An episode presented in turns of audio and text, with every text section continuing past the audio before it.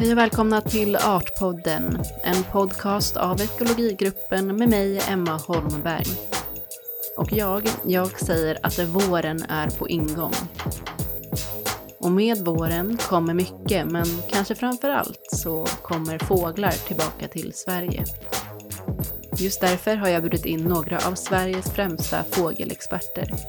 Susanne Åkesson och Tord Fransson och vi, vi ska prata om fåglar som flyttar med hjälp av jorden, solen och stjärnorna. Vill ni berätta för lyssnarna vilka ni är och vad ni jobbar med? Mm.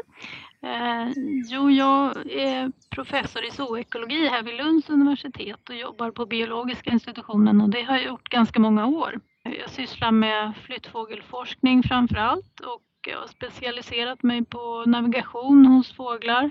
Eh, jag gör en hel del beteendeexperiment där jag studerar vilka kompasser de använder och hur det fungerar. Eh, men sen har jag också på senare år börjat följa fåglar med olika teknologier för att ta reda på deras flyttningsvägar och hur de så att säga är anpassade till långa flyttningar. Och du medverkar också i Naturmorgons expertpanel va? Ja, det gör jag. Och det har jag gjort längst av alla som är där nu i närmare bestämt 18 år. Eller är det 19 år? Det är nog faktiskt det 19 året till och med. Oj, oj, oj. Mm. ja, kul.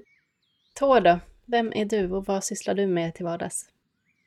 Jag jobbar som forskare på Riksmuseet och eh, har jobbat där väldigt länge. Eh, jag tror att jag, jag började jobba 1985 på ringmärkningscentralen faktiskt. Och på de senaste 20 åren så har jag ansvarat för svensk ringmärkning och eh, planläggningen av den och driften av den kan man säga. Men jag är också forskare, flyttfågelforskare har, har jag som bakgrund. Jag doktorerade på flyttfåglar vid Stockholms universitet.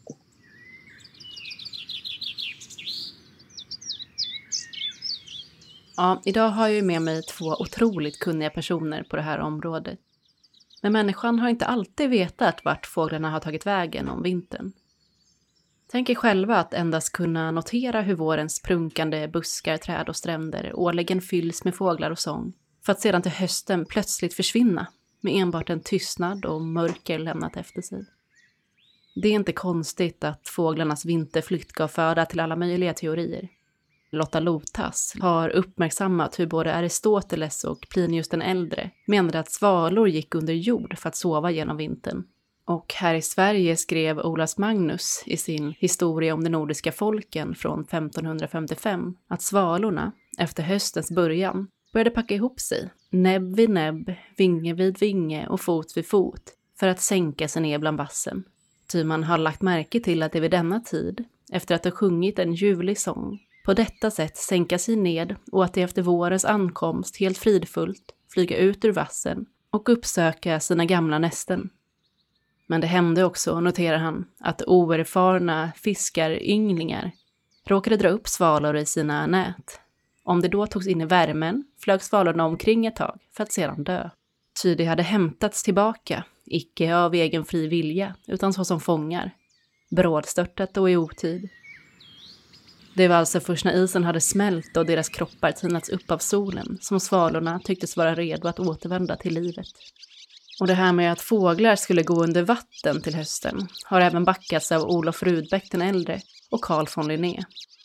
Rudbeck beskriver i sin Atlantica från 1677 att svalan sätter sig mot hösten på vassen och dränker sig och näst för sjunger en lång sörjesång, betydandes jordens sång, som nu ska dränkas och övertäckas med snö. Linné försvarade Rudbeck och menade att inte bara svalor övervintrar på sjöbottnar, utan möjligen även storkar och lärkor. Ja, teorierna var många och många gånger vackra. Men frågan är hur länge man har haft lite bättre koll på vart fåglarna egentligen tagit vägen. Det finns ju exempel på att man, man var lite förundrad över vart fåglarna tog vägen och vart, att man noterade ju att de kom tillbaka varje år eh, och häckade och sen försvann och, och det där tror jag man, man, var väldigt fascinerad av och det var ju en av drivkraften till att man började med ringmärkning i slutet på 1800-talet. En dansk eh, skollärare började sätta ringar på starar för att se var de tog vägen och eh, det var ju startskottet lite grann för, för att mer dokumentera och eh, ta reda på vart fåglarna flyttar. Så drygt hundra år kan vi säga att, att vi har börjat dokumentera vart fåglar flyttar. Och det gör man alltså genom att ringmärka fåglar. Vill du förklara hur det går till? Det handlar om att man, man det är ju en ganska mångfacetterad metod, men i grunden så handlar det om att man ger en fågel en identitet. Man förser den med en lätt metallring med ett unikt nummer och en adress. Och eh, den här adressen, eh, om den upphittas så, så, hoppas man att upphittaren ska ta kontakt och rapportera att man har hittat den här fågeln och då får man ju två punkter där fågeln har varit. Dels där den ringmärktes och dels där den påträffades. Och idag så är det ju betydligt lättare med, med de hjälpmedel vi har via internet och annat och, och få kontakt med, med den adress som står på ringen. Okej, och vad, vad använder ni den här informationen? Ni säger att ni får information om vilken plats den har hittats på eh, och vilken tid. Men vad används den informationen till? Alltså, börjar man få en, en, en, en mängd återfynd som vi kallar det så, så kan du kartlägga fåglarnas flyttningsvägar. Man kan ta fram återfynd från flyttningen och från vinterkvarteren och det här kan man ju då fortlöpande följa över lång tid så att säga och till och med se om det blir förändringar i de här mönstren på grund av olika saker, till exempel klimatförändringar och så. Men det, det har varit en väldigt viktig metod för att kartlägga de, de generella mönstren i fågelflyttning som vi ser i, i världen, skulle jag vilja säga. Sen har det tillkommit, vilket är väldigt spännande och som Susanne arbetar med, det är ju den här nya tekniken som har gjort det möjligt att, att följa fåglar på ett helt annat sätt än vad vi kan göra med ringmärkning. Men ringmärkning är ju en, en generell metod som ger oss också uppgifter om vad fåglar drabbas av i naturen. Och framförallt så är det ju många studier så är det ju en identitet på fågeln. Som forskare behöver du veta vilka fåglar du har i, din, i ditt bestånd och då har de här, den här ringmärkningen är då en unik metod att hålla reda på individer. Och en annan sak som man kan ta upp när det gäller med ringmärkningen är ju när man fångar en fågel och har den i handen så tar man ofta andra mått också inklusive vikt och, och bedömer hur mycket fett den har. Och den typen av information kan man ju också använda att göra olika typer av undersökningar Eh, med hjälp av. Då. Och, och, dessutom kan man titta på ringfynden och, och, undersöka flyttningshastigheter om man har större antal ringmärkta fåglar som man kan studera och, och jämföra olika populationer och sådär. Så det finns en hel del frågor som man kan liksom besvara med hjälp av enbart ringmärkningsdata som, som ger en hel del nya insikter om hur flyttningen går till. Okej, och hur många fåglar ringmärks årligen i Sverige då? Alltså det ringmärks ungefär 300 000 fåglar varje år i Sverige. Men det varierar ganska mycket mellan från ett år till ett annat och det beror nog på hur reproduktionen har varit. Så att vi, vi har, de senaste tio åren så har vi legat mellan 270 000 och 350 000. Shit, det är många. Men okej, om vi backar bandet lite här då. Vad innebär egentligen begreppet flyttfågel? Ja, en flyttfågel är ju en fågel som byter häcknings, eh, så att säga, plats till ett övervintringsområde och den där distansen kan ju vara ganska kort för, för vissa arter men väldigt lång för andra. Så det är en ganska stor spännvidd på hur långt en fågel flyttar. Sen finns det ju andra arter som representerade en hel del i Sydamerika som byter eh, höjd för att det finns ju ganska många bergsområden där de kan eh, finnas på och häcka på olika höjder och övervintra på andra höjder. Så där brukar man se en, en höjdflyttning också. Då kommer jag till frågan, varför stannar vissa medan andra väljer att flytta? Ja, det beror ju på framförallt vad de äter och hur så att säga, de kan klara ett hårt klimat. Om vi till exempel tittar på de här arterna som fiskar i, i sjöar och, och längs kusterna så kan ju en isvinter göra det svårt att, att överhuvudtaget nå den här maten och då behöver de så att säga röra sig från det här området för att kunna överleva.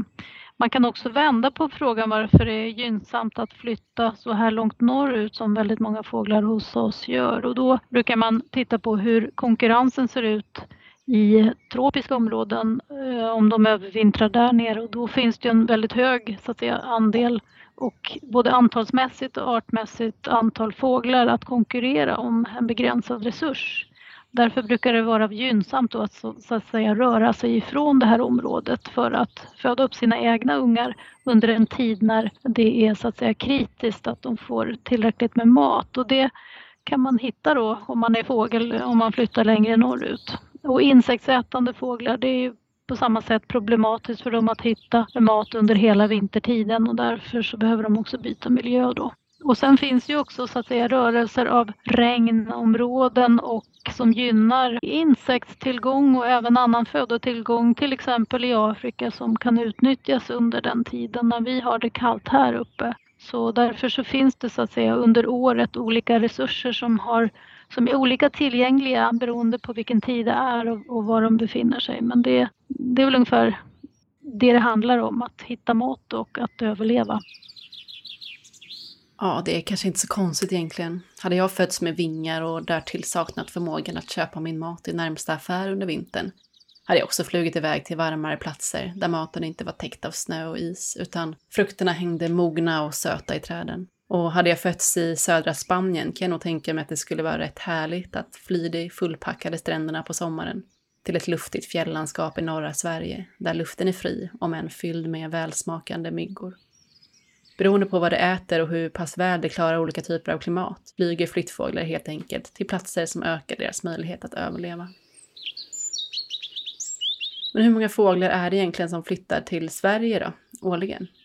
Oj, det där är ju väldigt svårt. Det, det, för det är ju en väldig omsättning på fåglar så att om vi talar om hur många som lämnar Sverige så finns det ju uppgifter som säger att det är eh, flera hundra miljoner fåglar som lämnar Sverige på hösten. Men då är det också lite intressant för när de kommer tillbaka nästa vår så är det ju betydligt färre för vi har ju en dödlighet som hela tiden eh, fåglarna utsätts för så att eh, flyttar, det kanske är hälften som kommer tillbaka nästa år till våren.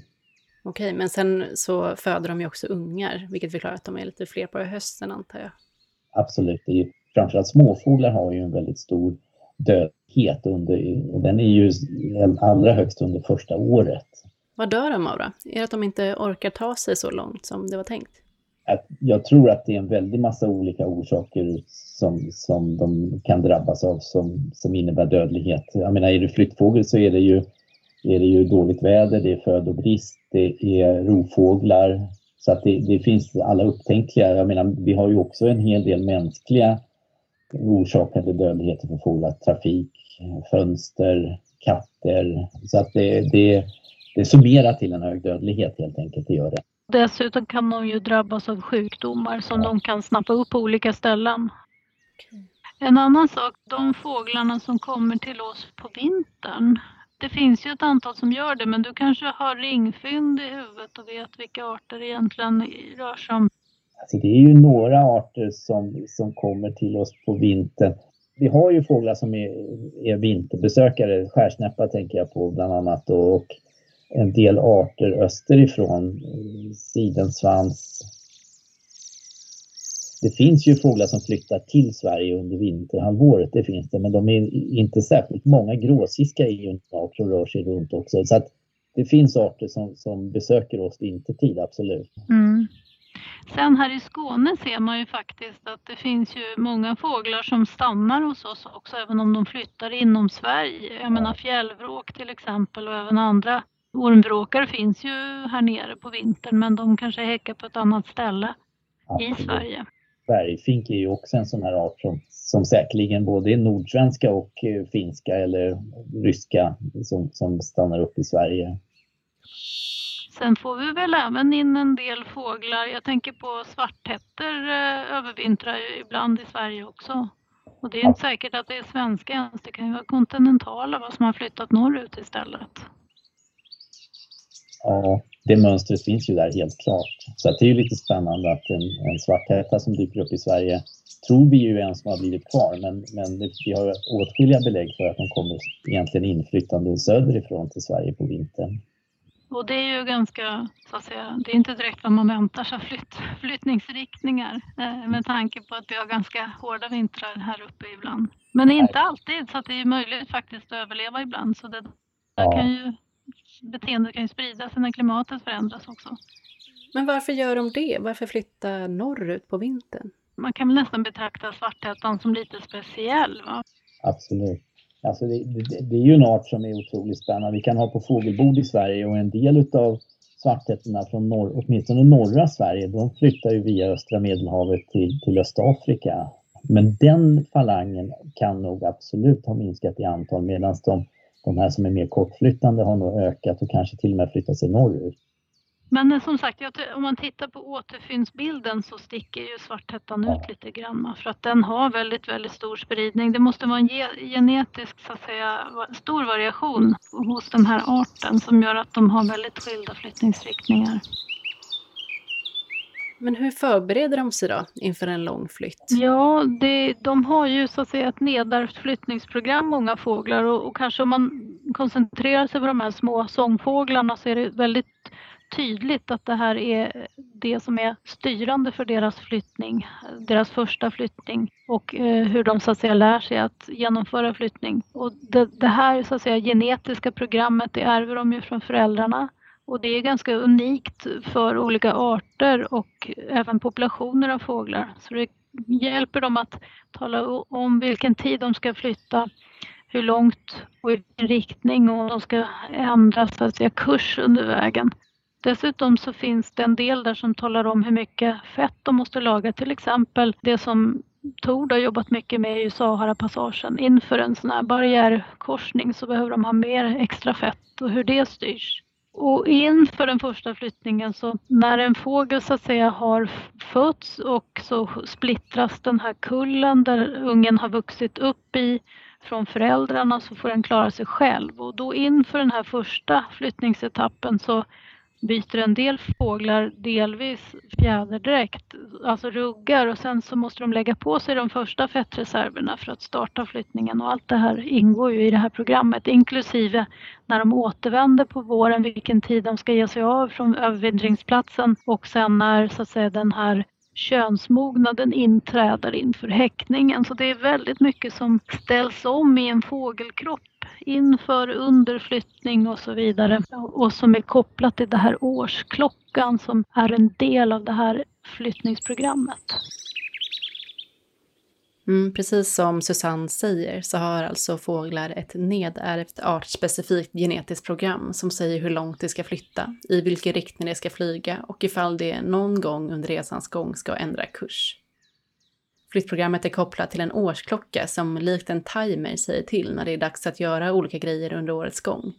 Så som att flytta, häcka och rugga, alltså byta fjäderdräkt. Tidpunkten för de olika aktiviteterna är inprogrammerade i deras årsklocka och sammanfaller bland annat med att hormonnivåer ändras.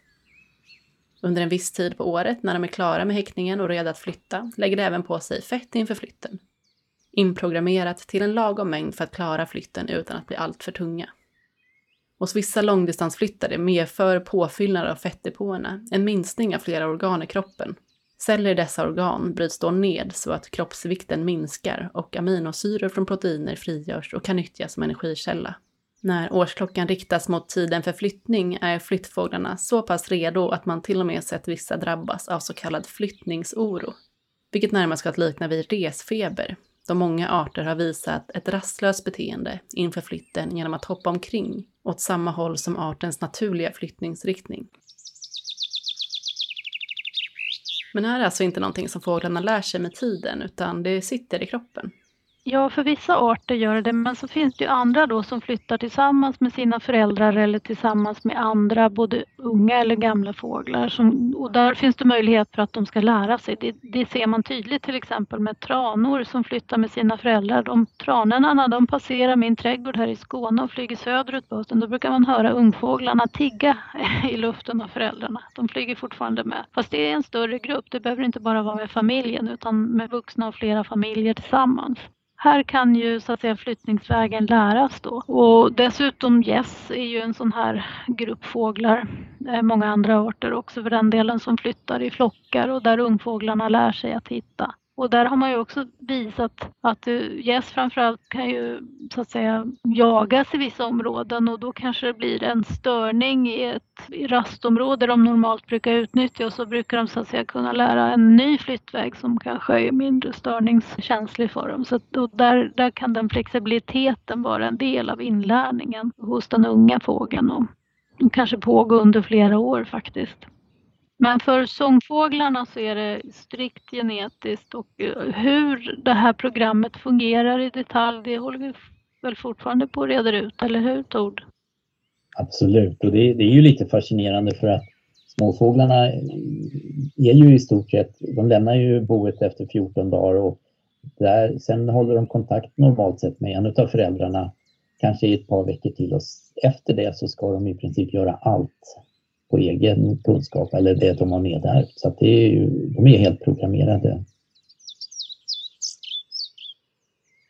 Det som är intressant också som vi inte har nämnt är ju att många av de här långdistansflyttande sångfåglarna, sångarna, de gör ju själva flygningen nattetid trots att de egentligen är dagaktiva. Och det betyder att för en småfågel som flyttar genom Europa så kanske den behöver någonstans mellan tre och fem eller sju dagar på en rastplats. Då är den helt still och bara äter för att lägga upp en reserv för att flyga en natt, kanske två nätter, men när den kommer mot södra Europa, om den nu ska passera Sahara, då, då måste den ju förbereda sig för att kunna flyga nästan 200 mil utan eh, möjlighet att, att äta igen. Och det här har jag tittat på en del i Grekland och då den art vi tittade på där var trädgårdssångare.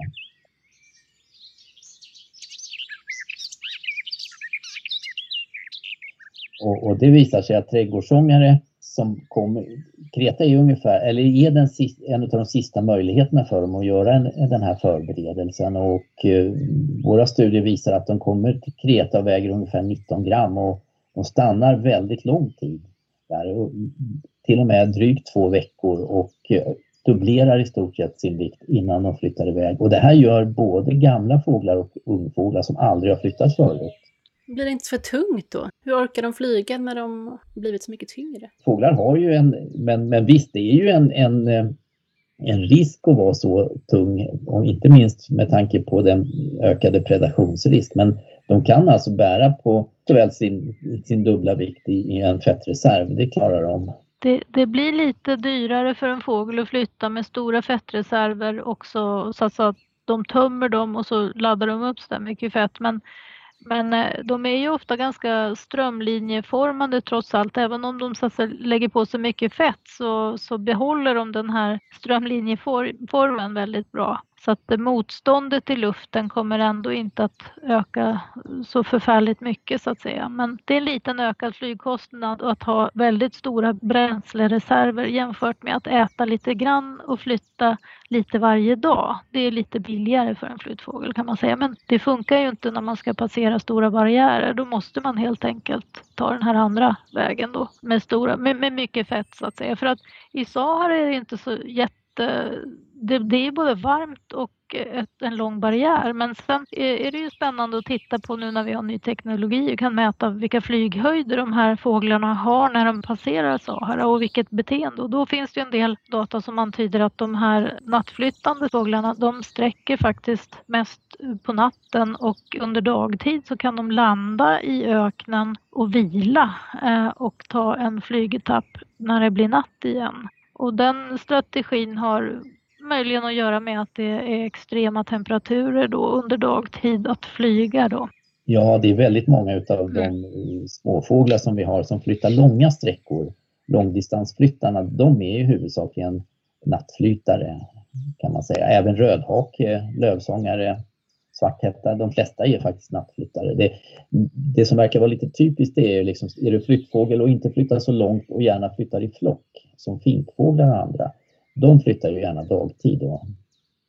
Just det, och, och, en annan sån fågel som kanske inte flyttar i flock är ju järnsparv till exempel som man ibland brukar höra också på morgontimmarna under flyttningstiden. Precis, och en del av de här arterna är nog lite både och, att de flyttar både nattetid och förlänger det in på dagtid om det är goda förhållanden och så.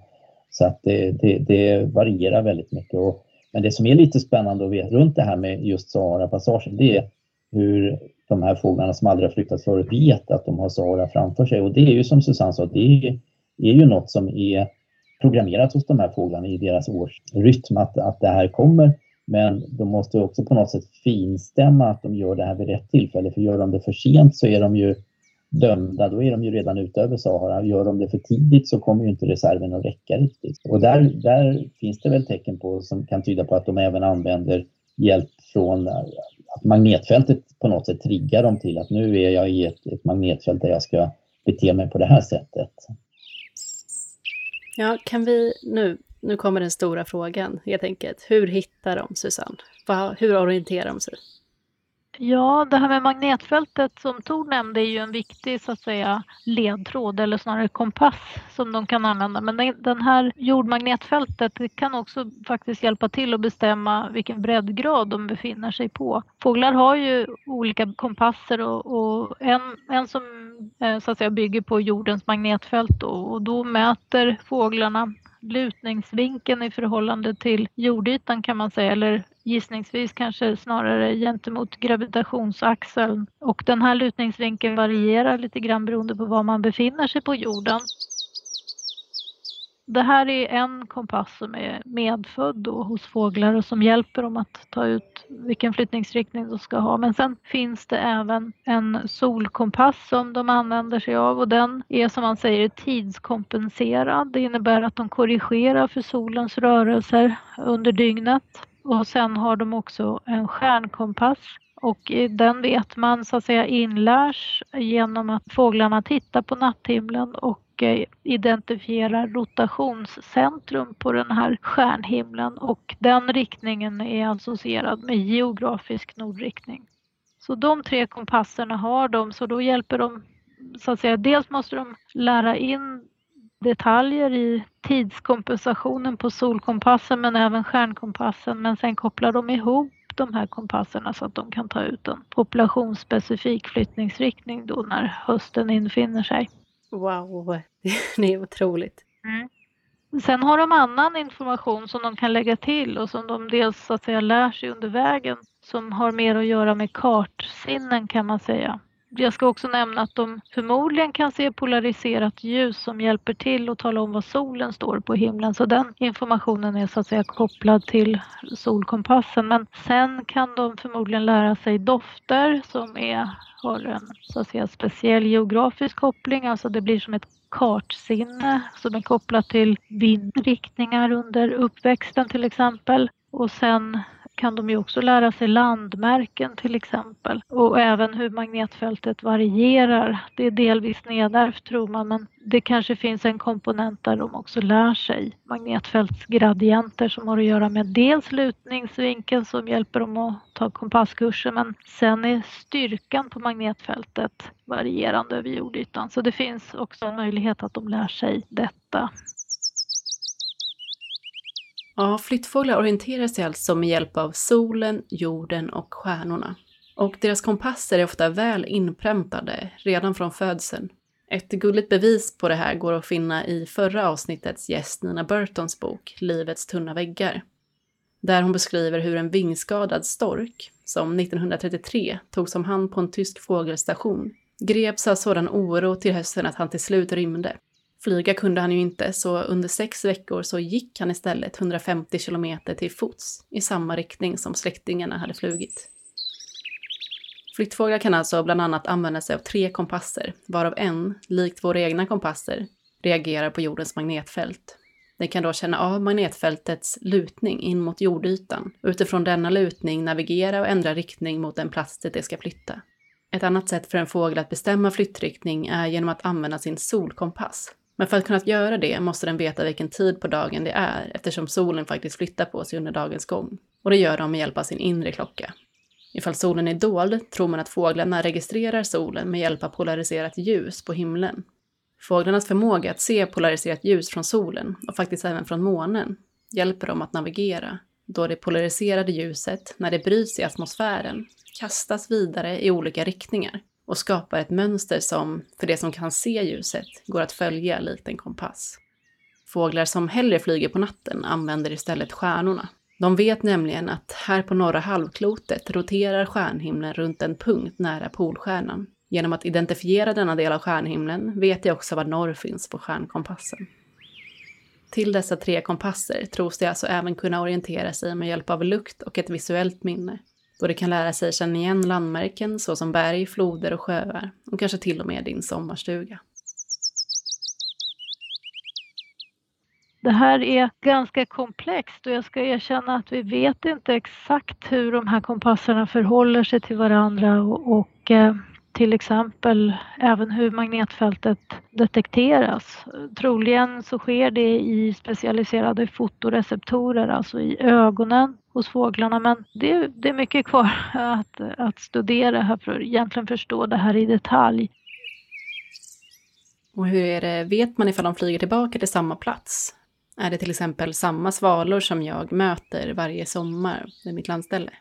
Det allra vanligaste är ju att fåglar är trogna en, sin häckplats. Men däremot så återvänder de ju normalt inte till den plats där de har blivit födda. Utan det verkar vara en spridning så att säga från sin födelseplats till sin första häckplats. Men sen finns det arter som avviker. Alltså det finns arter som förefaller vara inte trogna sina häckplatser. Men de är nog ovanligare än de som är trogna sina häckplatser. Sen finns det belägg för att de är även trogna sina övervintringsplatser. Det finns det många exempel på. Eh, och de övervintringsplatserna kan vara i tropiska Afrika eh, till och med. Alltså de är där på flera, flera vintrar i rad. Och när vi har jobbat i Grekland med trädgårdsångare så har vi återfångat fåglar som vi märkt under en tidigare höst, i princip på samma plats. Och jag skulle tro att är platserna väldigt viktiga för fåglarna, då kan det finnas en möjlighet att de återvänder till dem. Så att det beror på hur viktiga är platsen för fågeln och eh, för de här inför Sahara så skulle du kunna förvänta dig att fler fåglar är trogna de här rastplatserna för de är viktiga för att klara Sahara-passagen. Vad händer då ifall någonting har förändrats på den platsen som de återvänder till? Säg att ja, man, min laggård på landet har brunnit upp. Jag är nog ganska säker på att de är så pass flexibla så att de de letar efter en, en, eh, en plats i närheten som kan fungera som häckplats. Jag tror inte att de deppar ihop så att säga. Utan att jag tror att de är flexibla nog och, och liksom söka efter en, en ny plats som är, motsvarar vad de behöver i det läget. Ja, det finns till och med exempel på där fåglar som kanske misslyckas med häckning en viss säsong och de kanske lever under många år, att de tar tillvara den tiden och ger sig ut att besöka andra platser. Tänker till exempel har vi fina data nu på silltrutar som vi har följt från eh, ostkusten, olika häckningspopulationer och om de misslyckas med häckningen, vilket de faktiskt ofta gör, det är kanske 25 procent av silltrutarna som häckar varje år och får ut ungar och resten eh, misslyckas av olika anledningar och då tar de ofta den tiden och ger sig ut och, och så att säga besöker andra potentiella häckningsplatser eller bara andra områden. Man kan söka föda och se om det är så att säga goda förhållanden. Så att det finns nog en hel del arter som, som så att säga har en kännedom om ett område som är betydligt större än bara den enskilda häckningsplatsen. Och just silltruten är en flyttfågel som min kollega Raul har bra koll på. Ja, men silltruten är ändå rätt intressant. Många av oss känner igen den här vackra och smäckra måsfågeln med sina svarta vingar och sina gula ben. Ofta känner vi igen den när snorens korvbröd eller käkar gammal pommes på gatan eller ibland till och med gammal spya från något fylleslag på stan. Och de kommer ju nu i mars. Men trots att vi kanske känner igen dem som en ganska trivial stadsfågel så gör de ändå en strapatsrik flygning. De fåglar som vi har i Sverige, de flyger faktiskt hela vägen ner till Kongobäckenet i Centralafrika för att övervintra. Och de lämnar oss i ungefär augusti-september och kommer nu i mars.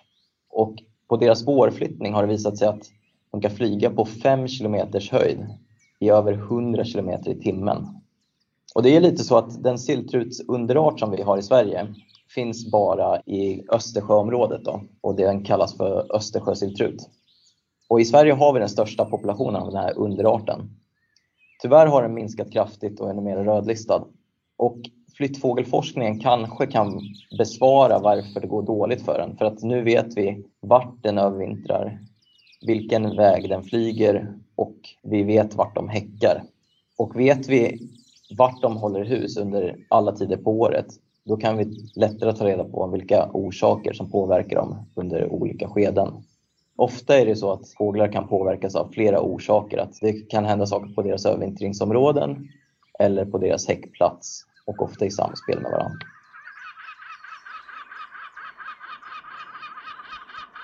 Jag har funderat över en sak vad gäller just fåglarnas magnetismkompass. Påverkar våra elapparater den? Eller står det över sånt? Det finns en del, det finns en studie ifrån Tyskland som eh, visade att magnetkompassen hos fåglar och det här var en studie på rödhakar eller någon annan sångfågel i alla fall som man studerade i labb. Och där eh, man hade det här labbet i en stadsmiljö.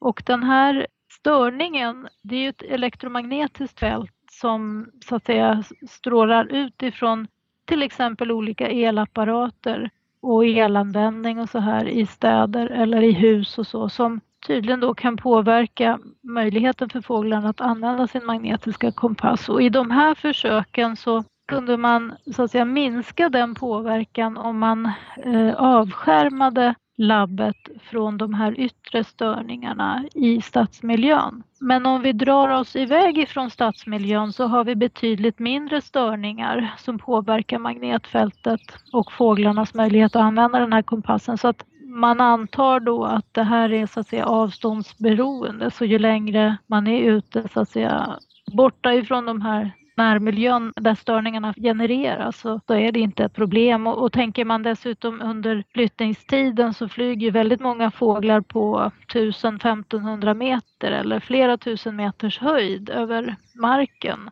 Och där uppe så förväntar vi oss att störningen ska vara väldigt liten då. Okay. Sen så undrar jag också lite med det här hur de, vilken form de flyger i. Nu har vi redan pratat lite om att vissa fåglar väljer att flyga ensamma, vissa flyger på natten, vissa flyger på dagen. Men varför flyger då vissa fåglar tillsammans i en typ av V-form som svanar och gäss man kan se på? Medan andra, till exempel starar, flyger mer likt ett moln. Ja, V-formationen ser man ofta hos de här lite större arterna som svanar, gäss.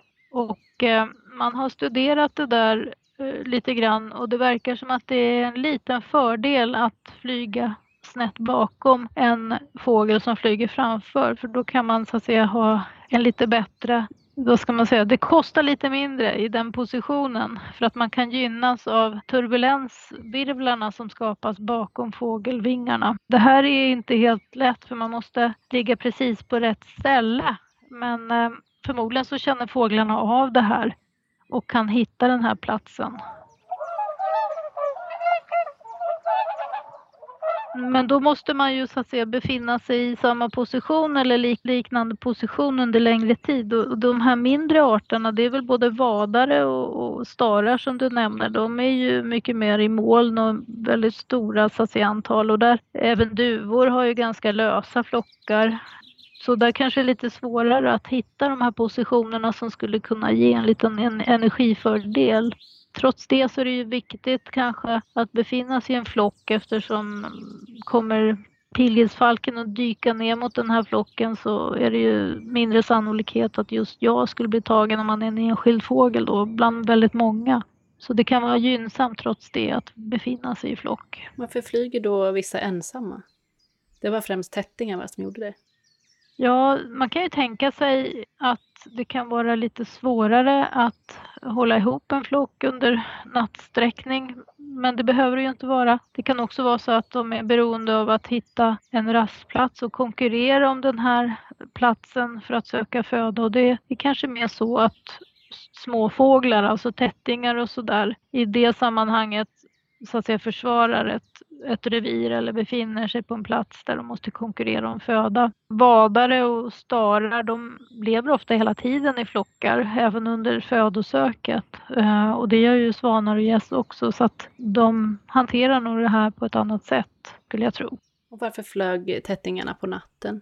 Det är lite lägre turbulens i lufthavet på natten som gör att de här störande vindarna som uppstår eh, är, mindre. Och sen kan man också tänka sig att det har att göra med att de har tillgång till eh, ett flertal olika kompasser som de ser stjärnorna till exempel är synliga på den tiden. Man skulle också kunna tänka sig att magnetfältet kan vara lite mera eh, så att säga tillförlitligt under natten att använda sin magnetkompass på. Då. Och dessutom så, så kan de ju då när de har flugit en natt så kan de ju börja äta direkt på morgonen så att Alltså nattetid har de ju svårare att födosöka så att och kan ju effektivare utnyttja sin tid under flyttningen.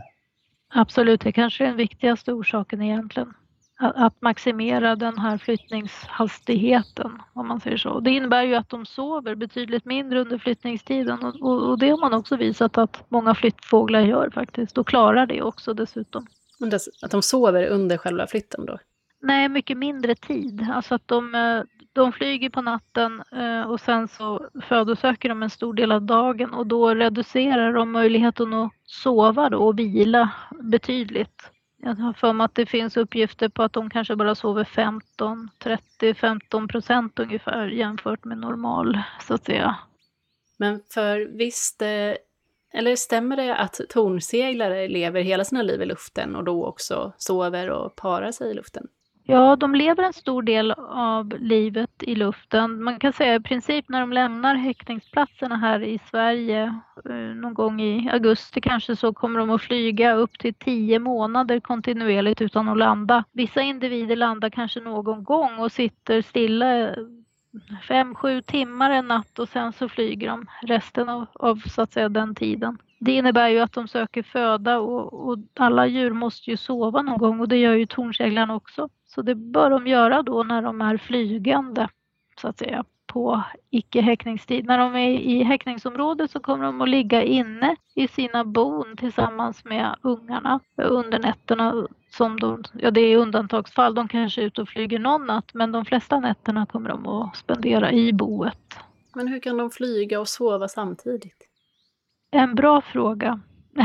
Det har man, det, vi försöker ta reda på det men det är inte helt enkelt när det gäller så här små fåglar. Men det finns andra studier man har gjort. Eh, det är en forskare i Tyskland, Nils Rattenborg, han har studerat det här med sömn hos fåglar och även under flygning och flyttning. Och han har studerat fregattfåglar och för den arten så har man listat ut väldigt fint faktiskt hur de fördelar sin sömn och de ger sig ut och söker föda under en vecka eller ibland två veckors tid under häckningen.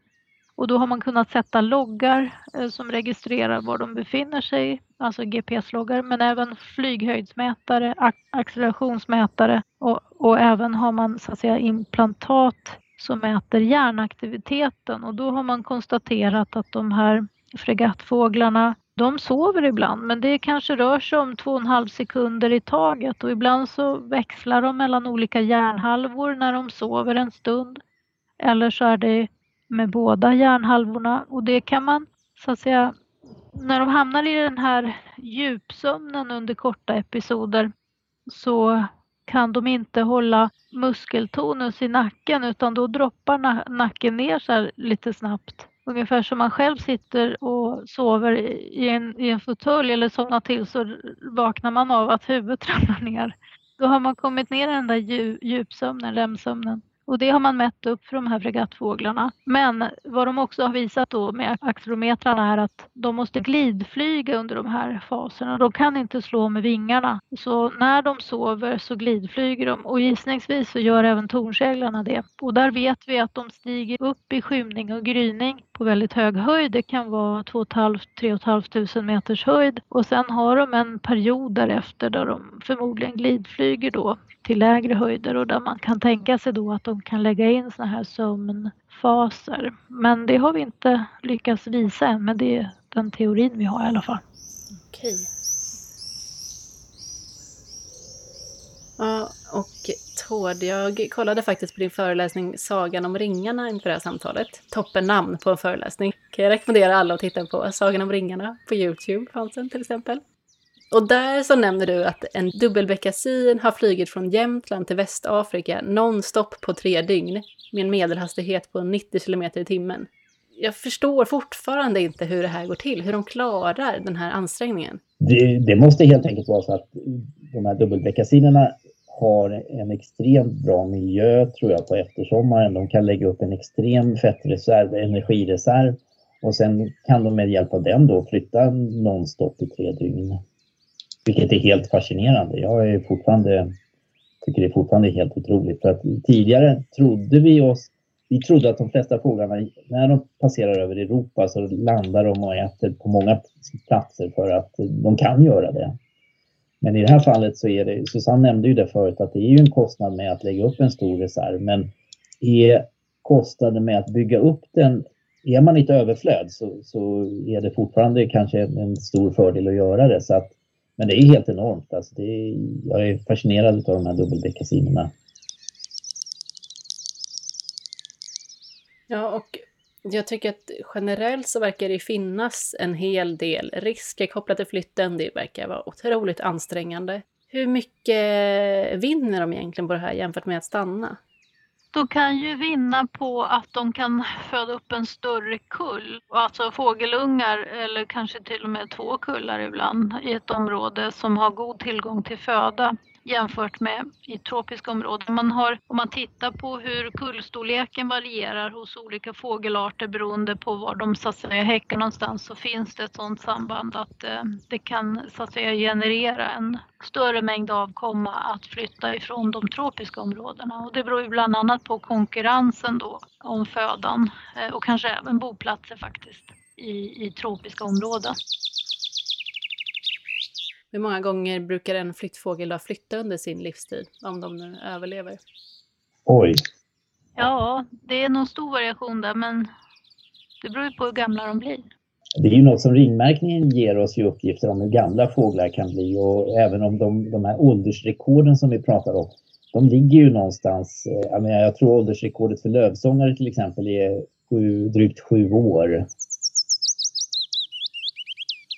vilket är ganska lågt då. Men, men eh, en del småfåglar blir ju mellan 10 och 15 år gamla. Men det är då rekorden. Så att eh, man brukar ju säga att kanske första året för en småfågel så har du 75 procents dödlighet. En unge av fyra har överlevt tills den är ett år gammal och eh, har den väl överlevt ett år så kommer den in i något som man kallar för adult överlevnad och den ligger väl mellan tummen och pekfingret på 50 procent så att eh, det är, de allra, det är en väldigt snabb omsättning på småfåglar.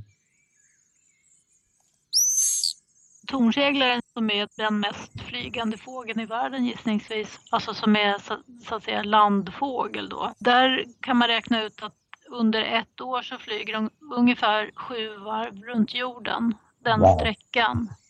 Och de blir ganska gamla. Jag tror att vårt rekord ligger väl på, är det 21 år eller, och tre månader eller någonting sånt där för en svenskmärkt tornseglare och då blir det sju gånger fram och tillbaks till månen under en livstid ungefär.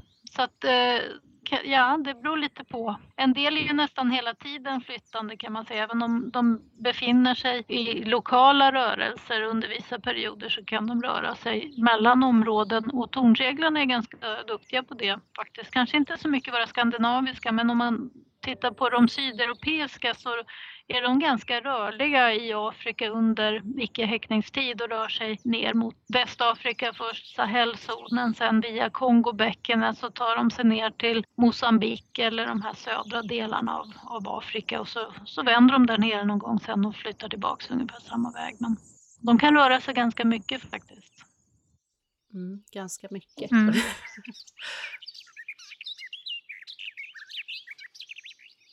Okej, men hur är det då med klimatförändringarna? Hur påverkas flyttande fåglar av ett varmare klimat? Alla flyttningsmönster vi ser är ju egentligen ett resultat av klimat och säsongsmässighet och, och jag brukar säga det ibland, förändras förutsättningarna så, så kan vi ju förvänta oss att, att vi kommer att se ett svar hos fåglarna. Och vi ser att ganska många av de arter som flyttar till Västeuropa kan vi se att de flyttar kortare sträcka idag än vad de gjorde för 30-40 år sedan. Inga jättegigantiska förändringar, men vi ser att de, de, de befinner sig närmare Sverige idag än vad de gjorde för 30-40 år sedan i genomsnitt. Okej. Okay.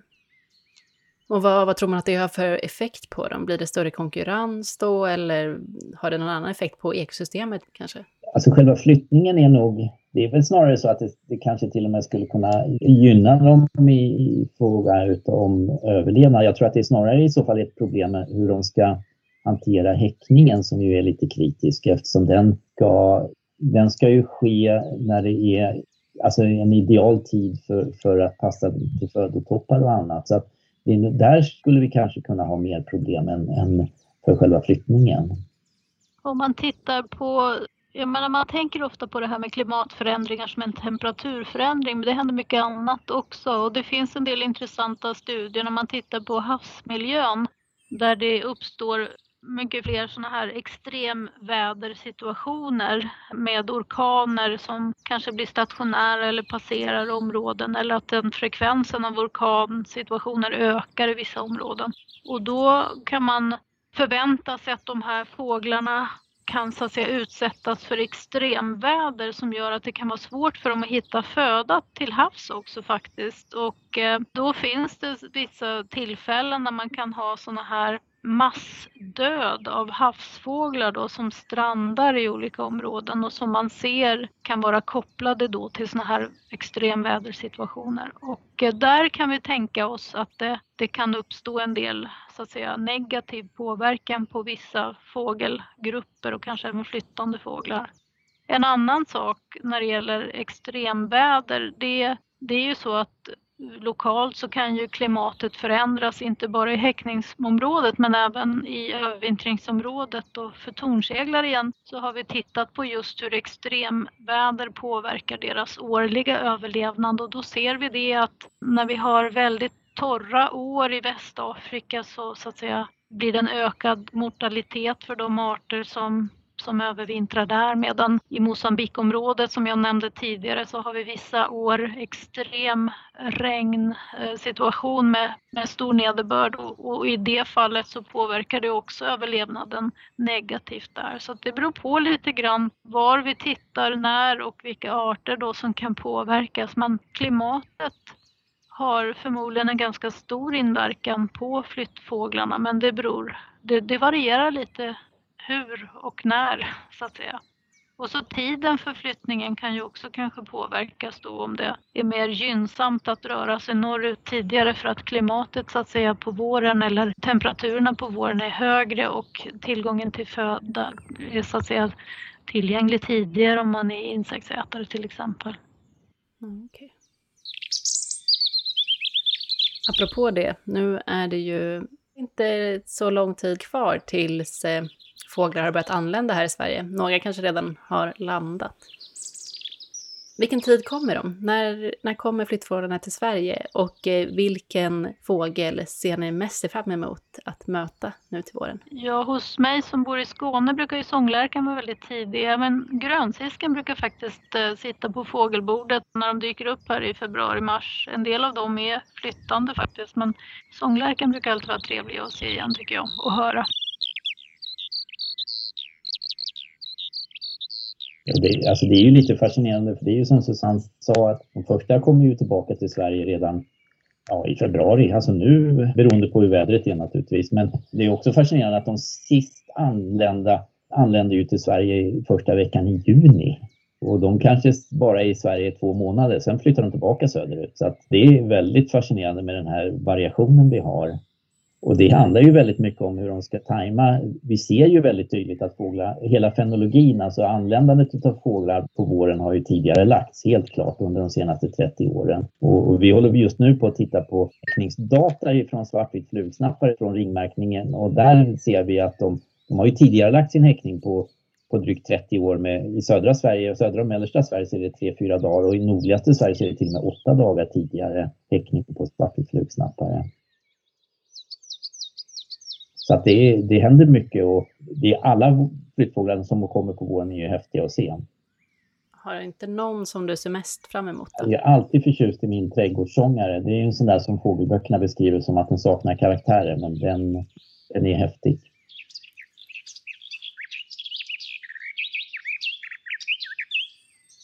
Ja, speciellt när man känner till hur de laddar inför Sahara-passagen så kan man inte eh, undgå att imponeras av den arten. Den sjunger ju fantastiskt. Absolut, så att den, när den börjar dyka upp och sjunga i maj så då är, då är det skönt. Ja, för mig är det ju sommar när tornseglarna hörs. Ja. Det är ju faktiskt någonting också, men det tror jag delar med väldigt många. Absolut, men jag kan förstå att du, att du tänker på dem särskilt när de kommer. Jajamän, ja. Ja, tack så jättemycket för att ja, ni var med. Jätteroligt. Tack så mycket. Ja, det var jättekul. Ja, det finns alltså inte mycket belägg för Aristoteles, Rudbecks eller Linnés teorier om fåglarnas flytt under jord eller vatten. Men rykten om att svalor fångats i nät av fiskare hängde i sig otroligt länge. Kungliga Vetenskapsakademin utlyste 1850 en belöning på 30 riksdaler till den som kunde visa ett vinterfynd av svalor i en sjö. Att inget sådant fynd gjordes stoppade inte heller August Strindberg från att fortsätta söka bevis för svalornas blöta vintersömn. Kanske, menar Lotta Lotas, lockades Strindberg av det poetiska draget i bilden av sovande isfåglar som vaknar och frisläpps av solens strålar. Tanken på fåglar under isen kom nämligen att gestalta ett särskilt hopp hos flera svenska poeter, förknippat med avresa, död och hemkomst och en efter kyla väntande värme. Tack så mycket för att ni har lyssnat och följ oss gärna på Instagram där vi går under namnet på denna podd, Artpodden.